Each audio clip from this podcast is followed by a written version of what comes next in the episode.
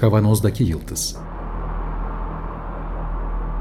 Hazırlayan ve sunanlar İsmail Başöz, Haluk Levent ve Fethiye Erbil.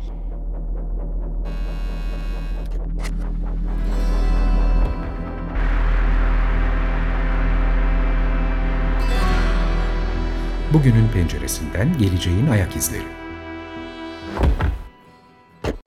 Merhabalar, Açık Radyo'dayız. 95.0 Kavanoz'daki Yıldız programında sizlerle beraberiz. Geleceğin ayak izlerini sürmeye devam ediyoruz. Ben İsmail, Haluk'la beraberim yine. Merhaba. Teknofeodalizm konuşuyoruz. Bu hafta 5. programımız olacak. Ee, Yanis Varoufakis'in Eylül sonunda yayınladığı Kapitalizm Öldü alt başlığıyla Teknofeodalizm kitabına tutunduk. Devam ediyoruz. Ama her programda vurguladığım gibi zaten biz de birkaç senedir programlarımızda sıkça vurguluyorduk. Haluk'un özel ilgi alanı olduğu için bir de buralar. Geçtiğimiz programlarda e, gig ekonomiden bahsettik. Güvencesiz iş diye kabaca çevirebileceğimiz insanların herhangi bir yere tam bir bağımlılığı olmadan bildik anlamda, bildik kapitalist işleyiş anlamında bir bağımlılığı aktif olmadan yaptıkları işlerden söz etmiştik. İşte taksi şoförü de olabilir, call center'da da çalışabilir, saat başı da çalışabilir gibi. Sonra platformlardan bahsetmiştik ki teknofeodalizmin vurgusu daha çok bu platformlar üzerinden ve platformların mülkiyetini elinde tutan kişi ya da gruplar üzerinden kurulan bir söylem olduğunu kabaca söylemiştik. Ve platformların da kullandığı temel teknolojik altyapının bulut teknolojisi olduğunu ve buraya toplanan veriler üzerinden kurulan bir yeni iş modeli olarak aslında ikisi ayrı şey. Tabii ki bu veriler ayrı e, elbette ki bununla kurulan iş modeli ayrı. E, fakat bunlar tamamen yeni üretim tüketim ilişkilerimizi ya da mübadele şekillerimizi e, Haluk'un altını çizdiği gibi ilk programda mübadele şekillerimizi değiştirdiğini ve bildik kapitalizm tanımlarının dışına çıktığını en azından ifade etmiştik. Ve evet. geçen programın sonunda da ben Haluk'a dedim ki bir hafta süre veriyorum hazırlan.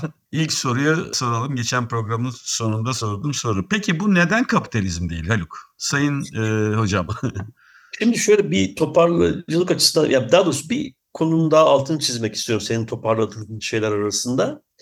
O da e, bu platform kapitalizmi ve e, bulut sermaye kavramı çerçevesinde gerçekleştiren açıklama Varoufakis'in açıklaması.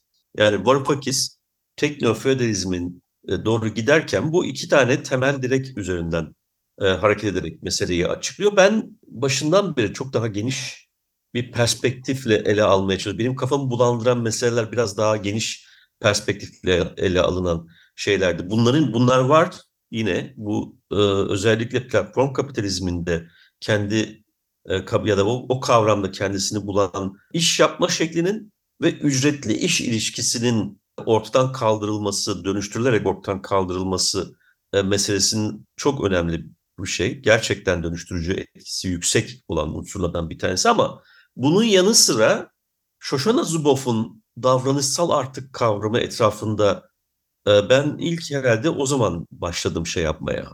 E, bu, bu kapitalizm bir galiba diye düşünmeye. Shoshana Zuboff'un böyle bir iddiası yok ama e, bu davranışsal artık sanki yeni bir kapitalizmin yeni bir varyantıymış gibi sunuluyor. Ancak e, bu aslında baştan aşağı bizim bildiğimiz, tanımladığımız kapitalist ilişkinin dışında bir büyük rant üretim mekanizması. Yani o küçük halka büyük halka diye anlatmıştım ya app üzerinden gelen o app'in daha iyileştirmesi, hizmetin dolayısıyla kalitesinin artırılması. O kapitalizmin alanı içerisinde kalan bir faaliyet. Ama buradan elde edilen verinin kullanılması e, ki Shoshana Zuboff'un davranışsal artık diye parlak bir kavramsallaştırması etrafında tarif ettiği süreç e, bir rant üretim mekanizması. Ve o, o alan e, asıl kapitalist alanın misli misli üstünde bir kazanç sağlıyor. Artık yaratıyor diyelim daha genel anlamıyla. Ama yanı sıra olağanüstü yüksek bir kontrol gücü veriyor. Yani bu kontrol mekanizması, bu Meşaroş'ta bu konuya çok takmış bir adamdır. Toplumsal kontrolün gerekliliği diye iki ciltlik. Hakikaten çok güzel kitabı vardır onun. Ben tamamını okumadım o kitabın ama tabii epeyce bir kısmına baktım. Bu her üretim tarzı diye adlandırdığımız mesele ya da bir toplumsal düzen diyelim genelleştirerek e, toplumsal düzenin bir e, sınıflı toplum söz konusuysa artık üretme mekanizması olması lazım. E bu artık üretme mekanizması birilerinin hakkına el koymayı içerdiği için bir de toplumsal kontrol mekanizması olması lazım. Bu toplumsal kontrol mekanizması e, çok sayıda aleti kullanır. Mesela kapitalizmde işin kendisi de bir toplumsal kontrol mekanizmasıdır. Tabii öbür tarafta da asıl büyük mekanizma devletten e, geliyor. E, bir kısa bir şey e, hemen altını çizelim. Yani ilk defa programımızı dinleyenler için davranışsal artı bizim teknolojik ortamda, internet ortamında yaptığımız her türlü eylemin ortaya çıkardığı veriler ve bu verilerin bir platformlar tarafından kullanılması e, ya da teknoloji firmaları tarafından kullanılması ama ancak burada mutlaka altını çizmek gereken senin de söylediğin laf bunları biz ücretsiz veriyoruz. Daha doğrusu bu veriler ücretsiz olarak bu firmalara dahil oluyor ve e, üretken girdi diye tanımlanıyor Haluk bunlar şimdi bir, bir de üretken girdi. Veri, e işte ama el koyma El evet, koyuyor. El koyma. El koyuyor. Dolayısıyla bu kapitalizm çerçevesinde tanımlanabilecek bir ilişki biçimi değil. O yüzden e, zaten bu program bu şeyi teknofeodalizm meselesini konuşmaya başlarken bir kez daha altını çizmiştim. Bu rant üretme mekanizması bir e, ana akım iktisadın, kapitalizmin savunucusu ana akım iktisadın kabullendiği bir şey değildir. Bunu dışsallık olarak görür. Negatif dışsallık olarak görür hatta ve engellemeye çalışır zaten. O, o dolayısıyla kapitalizmi e, aşındıran bir artık üretme mekanizmasıdır. Çünkü önceki toplumsal düzenden geliyor. Feodalizme özgü bir şey. Şimdi oraya doğru gidiyoruz tabii ki. Bir de tabii benim yine üzerinde durduğum bir mesele daha var. Bu davranışsal artığın esasında sadece dijital dünya ile sınırlı olmayabileceğini teknolojik gelişmelerle özellikle bu üç boyutlu printerların yeteneklerinin, kabiliyetlerinin yükselmesi ve yanı sıra fiyatlarının çok ucuzlamasıyla beraber bizim reel ekonomi olarak adlandırdığımız alanda da benzer bir şeyin kurulabileceğini. Çünkü bu davranışsal artığı oluşturan döngünün önemli unsurlarından bir tanesi tüketicinin bizatihi kendisinin de döngünün yani üretim sürecinin parçası haline gelmesi. Ee, bu mesela kısmen platform kapitalizminde bunu yaşıyoruz değil mi? Satış elemanları falan yok. Aslında satış elemanının yaptığı işi biz kendimiz üstleniyoruz teknoloji sayesinde. Buradan yola çıkarak ve bir de tabii bu teknolojinin üretim süreci içerisinde yarattığı büyük dönüşümler, emek verimliliğindeki olağanüstü artış, bir takım paradokslar da var bunu ileride değiniriz. Olağanüstü artıştan ötürü canlı emeğin dışlanması, üretim sürecinin dışına doğru itilmesine bağlı olarak da değer yasasının yüksek hızla aşındırılmasından kaynaklanan bir dinamiğin de ortaya çıktığını düşünüyorum ve bunları hep bununla ben esas bunun üzerine duruyorum zaten. E, teknofeodalizm meselesini tartışırken. Bir de son olarak aynı zamanda ikinci tip dalga olarak adlandırabileceğimiz tek, yani bu sıralama anlamında söylemiyorum. E, teknolojiden farklılaştırmak anlamında söylüyorum. İklim yıkımının yarattığı büyüme kısıtı. Bu da kapitalizmin içselleştirebileceği bir şey değil.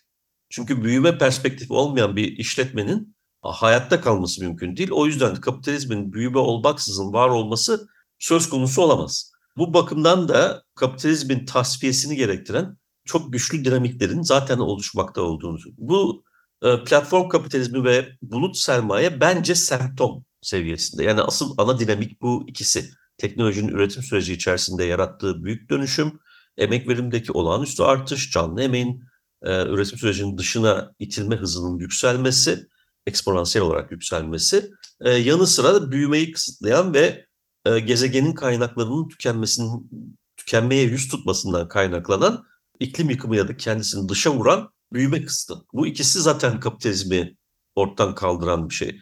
E bu o, bu ortadan kaldırmanın doğal örüntü içerisinde varması gereken şey komünel bir toplumdu.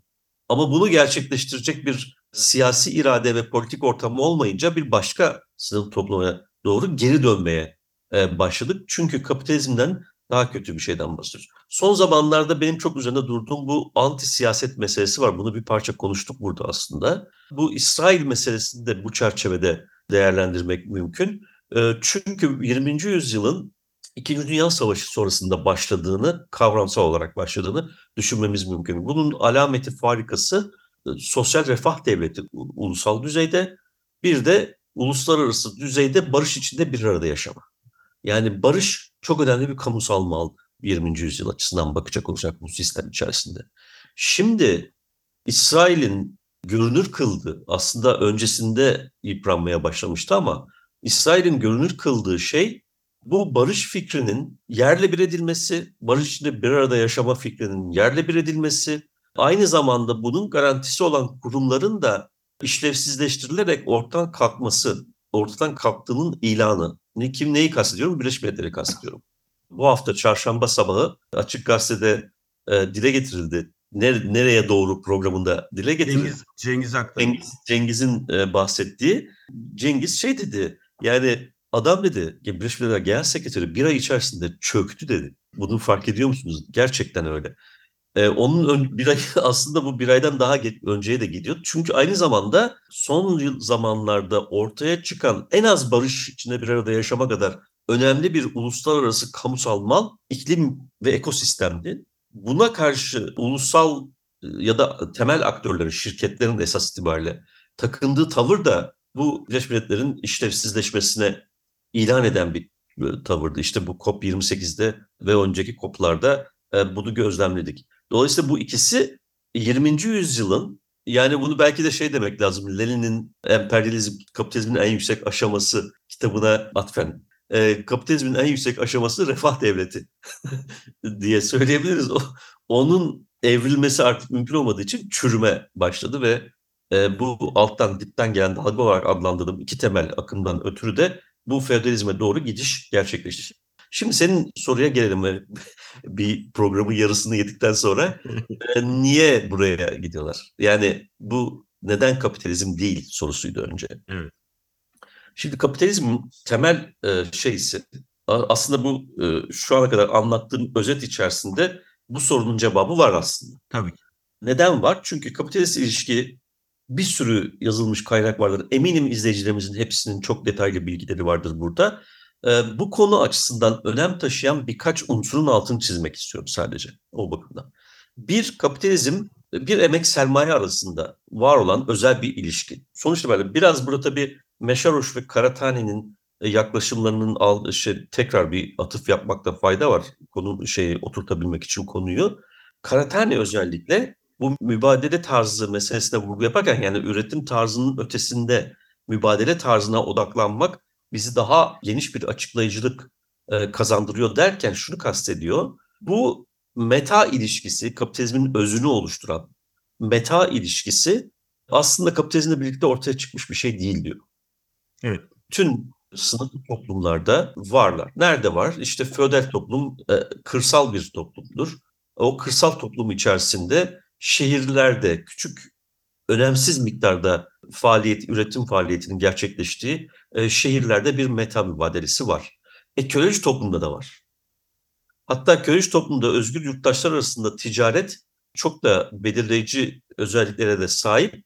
E, zaten köleci toplum e, bir bakıma enteresan bir şey. Köle yani bizim bu şu anda teknolojinin gördüğü işlevi çıkart, köleleri koy. Onun dışında da bugün sahip olmadığımız özgür vatandaşlar arasında belki de yer yer bugün sahip olmadığımız ilginç yönetim şeyleri var. Ee, deneyimleri var. Evet. İşte izonomi mesela demokrasiden çok daha ileri bir şey falan filan. Böyle bir kamusal alanın gelişmiş bir kamusal alan olduğundan e, bahsediyoruz oralardaki e, şeylere baktığımızda. Hatta Koç Üniversitesi yayınlarından Türkçesi çıktı. Roma AŞ diye bir kitap var. Çok çok çok iyi, iyi bir kitaptır o. E, Roma İmparatorluğu'nun çalışma mekanizmasını bir şirket mantı, mantığına ne kadar uyduğunu göstermek üzere hmm. e, yazılmış. O yani önemli bir üniversitede e, öğretim üyesinin yazdığı bir şey. Şimdi yazarını falan unuttum ama Roma AŞ'dir kitabın ismi. Küçük de bir kitaptır aslında. Dolayısıyla bu süreklilik var aslında.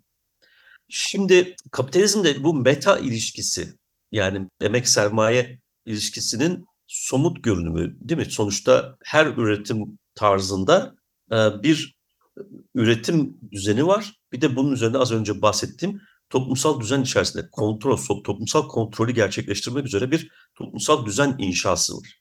E, kapitalizmi ayrıştıran temel unsur, temel unsur, köleci toplumdan ve feodal toplumdan ayrıştıran temel unsur özgür sözleşme yapma özelliğine sahip bireylerin varlığıdır. Kamusal alanın ihtiyacı buradan çıkar. ücretli iş ilişkisi buna dayanır. Çünkü ücretli iş ilişkisinde yani çalışma koşullarını beğenmiyorsan çalışmama çalışmama özgürlüğün var teorik olarak. E sosyal devletle bu teorik alı yani teorik şeyin ortadan kaldırabileceğimiz bir seviyeye geldi. Çünkü işte kimse geride kalmayacak mantığı içerisinde bir sosyal transfer programı özellikle gelişmiş ülkelerden bahsediyorum. Üçüncü dünyadan bahsetmiyorum elbette. E, kapitalizmin ileri aşaması, olgun halinden bahsediyorum. E, burada işte bir sosyal dayanışma, e, kamusal, kamu kurumları üzerinden gerçekleşen sosyal dayanışma yani çalışma kabiliyeti olmayan ya da çalışma imkanı bulamayan insanların da bir minimum refah seviyesine ulaşmasını sağlayacak bir düzenden bahsediyoruz. Ee, ama bütün bunlar işte bir özgür birey gerektiriyor.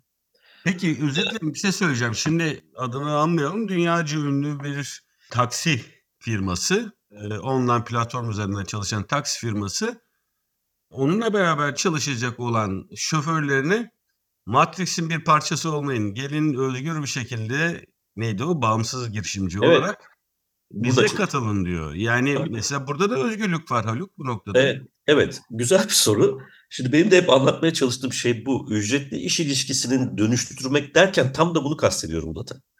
Ücretli iş ilişkisi sonuç itibariyle işte sermayenin egemenliği altında kurulmuş olan bir üretim düzeni var değil mi? Bundan böyle karikatüristik hali işte o Ford e, üretim hattıdır. Herkesin bir fonksiyon içerdiği. Bu da refah seviyesinde büyük bir artış getirmiştir aslında. Çünkü üretim imkanlarını çok genişlettiği için o önceki kendi önceki dönemine göre iş bölümünün derinleştiren bir adım olmuştur. Bu da büyük bir refah artışı getirmiştir. Şimdi ama burada ne oluyor? Belli kurulu bir iş var. Tanımlı bir görev var. Bu tanımlı göreve yapabileceğini gösteren kabiliyetlere sahipsin ve bu kabiliyetlere sahip birisi olarak açık olan işe talip oluyorsun. O işe talip olduğun zaman da bir gelirin var. O gelirle beraber bir sosyal güvence sistemine dahil. Şimdi sosyal güvence sistemi esasında sermayenin mecburen kabul ettiği bir şeydi. Değil mi? Sonuç itibariyle e, bu çok tercih edilen bir şey değil. O yüzden o sosyal güvenlik sistemini kamu kurumlarına gönderdi. Yani devlet üzerinden bir sosyal güvenlik sistemi oluşturuldu. Pekala onun işletme bünyesinde yapılması mümkündü ama bu büyük bir maliyet olduğu için bu maliyetin toplumun bütün bireyleri tarafından karşıla, paylaşılması söz konusu olsun. Kapitalizm bunu niye kabul etti peki? Sermaye ee, neden kabul etti? Çünkü, çünkü o barış içinde bir arada yaşama fikri esasında evet. düzenin olduğu yani bir alternatif, kapitalizmin alternatifinin olma iddiasında bir sosyalist bloğun oluşmasından sonra ortaya çıkmış bir şey aslında. Değil mi? Yani sonuç itibariyle fiyat mekanizması dışında başka bir üstelik biraz daha akılcı bir mekanizmanın piyasaların anarşik karakterini ortadan kaldıracak şekilde ve onu ikame etme kabiliyetine sahip olduğunu gösterdi Sovyetler Birliği. Sovyetler Birliği hiçbir şey yapmadıysa bunu yaptı. Çünkü Sovyetler Birliği öncesinde biz kapitalizmi yıkacağız falan deniliyor ama e, fiyat mekanizmasının e, ve piyasanın ne kadar etkisiz bir çalışma, işte anarşik karakter, e, israf yaratan bir şey olduğunu ve toplumsal refahı öncelemeyen bir şey olduğunu gösteriyordu. Dolayısıyla sosyalistler biz bunu yıkacağız diyorlar ama yerine ne geleceği belli değil. Paris Komünü dışında başka bir deneyimimiz yok. Somut bütün bir toplumsal düzeni inşa edebileceğimiz bir günlük hayat ihtiyaçlarını karşılayacak bir üretim modeli yoktu. Sovyetler Birliği'nin herhalde insanlığa yaptığı en önemli katkı budur.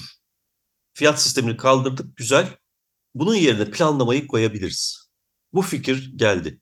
Barış ee, içinde yaşama talebinin bir karşılığı. E, e, evet bu önemli bir alternatif ve artık uygulanabilir bir alternatif haline gelmesiyle birlikte sosyalizmin ideolojik bir tehdit de oluşturdu tabii ki.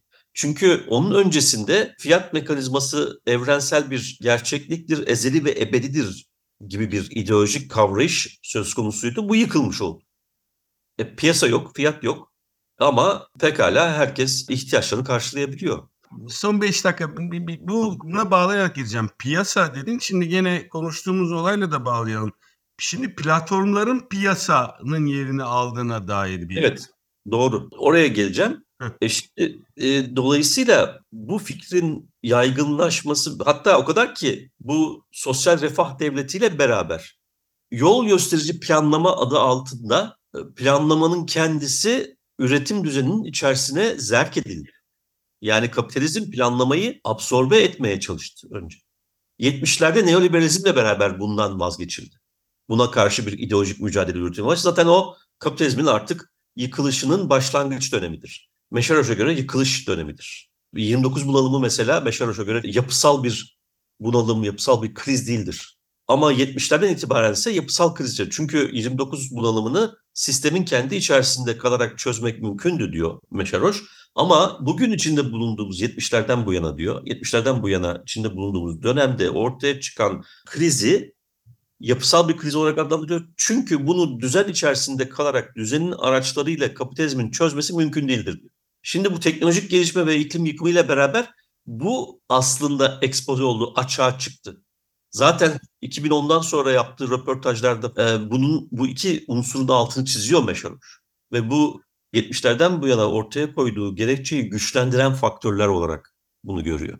O bakımdan bu kapitalizmin değer yasasını geçersizleştiren şeyin aslında e, kapitalizmin ortadan kalkmaya başladığı artık özgür bireyin dışında çünkü ücretli iş ilişkisinin dönüştürülmesi, ücretlinin esnaf haline dönüştürülmesi, bu esnafların da platform adı altında örgütlenmiş katmanlı oligarşik yapının bir parçası haline gelmesi arzulanıyor. Bu bir özgürleş, özgürlük değildir. Neden değildir? Çünkü kamusal sosyal güvenlik yükümlülüklerini tamamen ortadan kaldırmak üzere çalışan bir mekanizma bu. Bu ilan edilmiyor ama bu, bu, şekilde gerçek. Yani güvencesizlik ve büyük bir korku. Bu korku güvenlik korkusu, salt işte terör saldırıları şu bu savaşlar onlar bunlar gibi e, şeylerden gelmiyor. Bu da var ama esas büyük korku umutsuzluk hali. Medeniyet kaybını yaratan şey bu umutsuzluk hali.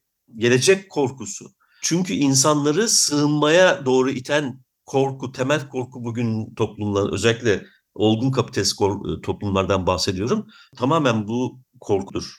Feodalizmde de bu vardı. Evet. Serf'in gönüllü olarak feodal lorda kendisini teslim etmesi Vikinglerin, şunların bunların yarattığı büyük terörden kaynaklanıyordu. Çünkü o da büyük bir medeniyet kaybıydı değil mi? Roma İmparatorluğu'nun evet.